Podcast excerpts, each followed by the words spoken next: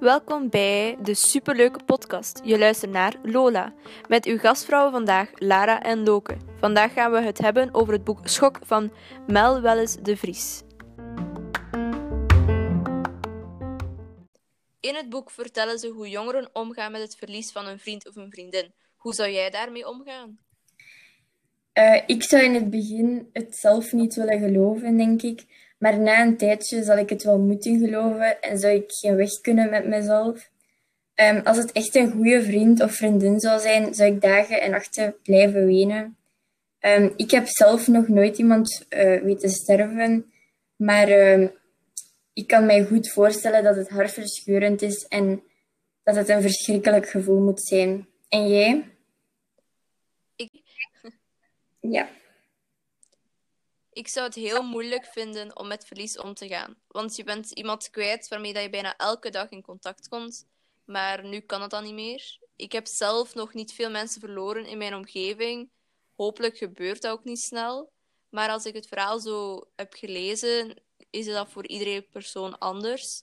Iedereen heeft een andere manier om, om met verlies om te gaan en dat blijft dus gelijk. Um, ik had ook gelezen dat ze gestorven is door overdosis en medicatie. Ik kan het echt niet geloven uh, dat haar vriendinnen dat niet hadden gezien en dan ook niks aan gedaan hebben. Het moet echt een verschrikkelijke manier geweest zijn om zo te sterven, denk je niet? Um, het pakken van pillen omdat je niets meer wilt voelen, de schuld dat je hebt, kan, dat is geen manier van dood te gaan. Dat is het een van de pijnlijkste manieren om dood te kunnen gaan. Ik zou het niet willen doen. Oké, okay, ik ga beginnen. Ja. De meisjes in het boek zijn zoals wij het noemen valse vrienden. Ze zien het wel, maar doen er niets aan. Het is zoals ze in een bubbel wonen. Ze moeten vrienden zijn omdat ze dat vroeger waren, maar nu zijn ze uit elkaar gegroeid. Toch zien ze elkaar niet. Zien ze niet wanneer iemand het moeilijk heeft of elkaar nog nodig heeft. Wat denk jij? Ik denk dat het in het echte leven ook echt nog vaak gebeurt. Ik vind het echt heel jammer. Want ik vind wanneer je bevriend bent met iemand, dat je op zijn minst er moet zijn voor die persoon wanneer die in een moeilijke periode zit. Je op je gemak voelen bij vrienden kan een groot impact hebben op iemand zijn leven. Ook in het geval naar jongens toe, als een meisje niet uh, door de rest wordt aangedrongen om iets te doen wat ze eigenlijk niet wil doen, kan ervoor zorgen dat je geen nee kunt zeggen. Dat is iets wat je zeker van mag zijn, dat je mag zeggen nee. Heb je ervaring op dit vlak? Um, wanneer ik uitga met mijn vrienden, kan het soms wel eens gebeuren dat een jongen iets te dichtbij komt.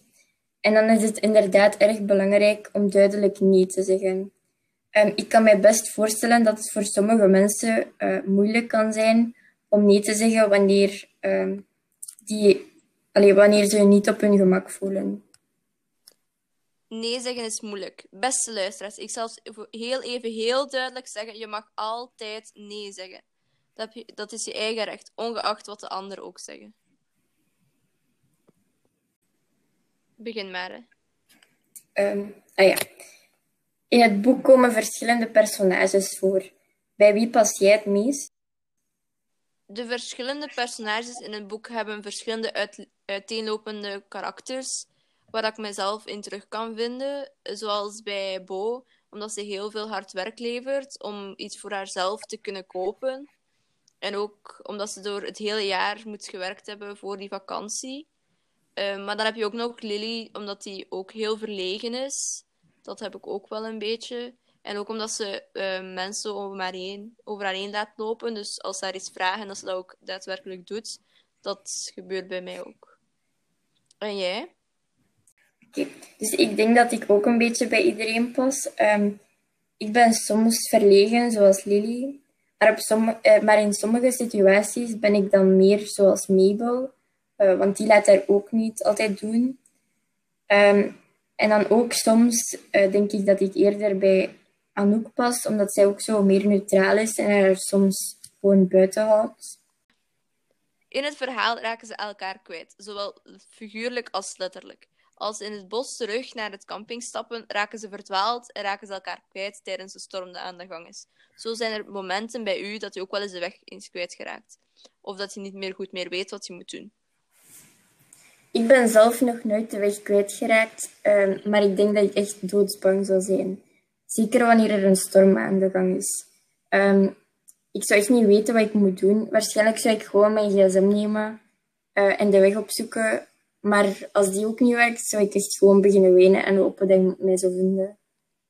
Ik zou wel opletten uh, als je de weg niet meer weet en aan vreemden de weg gaat vragen, want je weet nooit. En het is vooral, het is donker in het bos en je weet nooit wie dat, dat zal zijn en wat die mensen zouden doen en wat hun bedoelingen zouden zijn. Ik zou u niet aanraden om alleen in het bos te gaan wandelen, zeker waar dat je nog nooit bent geweest. En als je vertrekt op voorhand naar het weerbericht gaan kijken. Ja, dat is wel waar wat je zegt. In het verhaal zien we ook dat we de verschillende kanten van de personages, zoals die van Mabel, kunnen zien. Uh, Mabel is aan het twijfelen over haar seksualiteit. Um, Mabel heeft eigenlijk een vriendin, maar uh, ze durft er eigenlijk niet voor uit te komen dat haar vriendin is. Ze durft, ze, zegt, ze durft niet zeggen tegen haar ouders of tegen haar vriendinnen. Is dat eigenlijk een goed idee om dat maar voor u te houden? Nee, ik denk dat het belangrijk is om over je gevoelens te praten. En daarvoor zijn vriendinnen ook goed. Uh, wanneer je je gevoelens opstapelt en je er niet over praat, kan het zijn dat je op een bepaald moment te veel aan je hoofd hebt en dat het echt gewoon te veel wordt. Um, en ik denk dat dat je echt slecht laat voelen. Um, het is natuurlijk ook belangrijk dat je er klaar voor bent en dat je niet te snel gaat praten.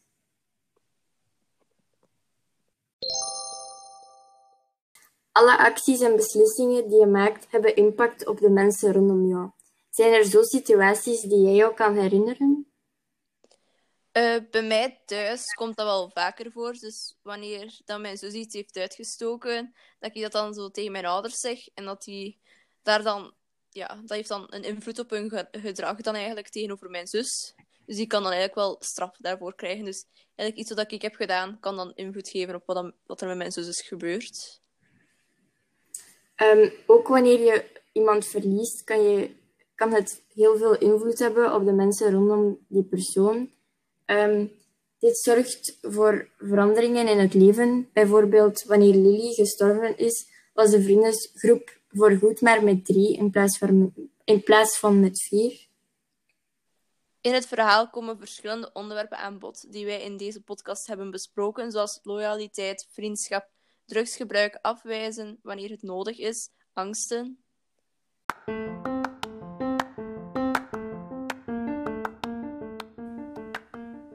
Nu moet je nog juist je einde doen. Hè. Ja. Het boek is een echte aanrader om te lezen. Het neemt je mee van de eerste pagina tot de laatste. Um, Dank je wel uh, om te luisteren naar Lola.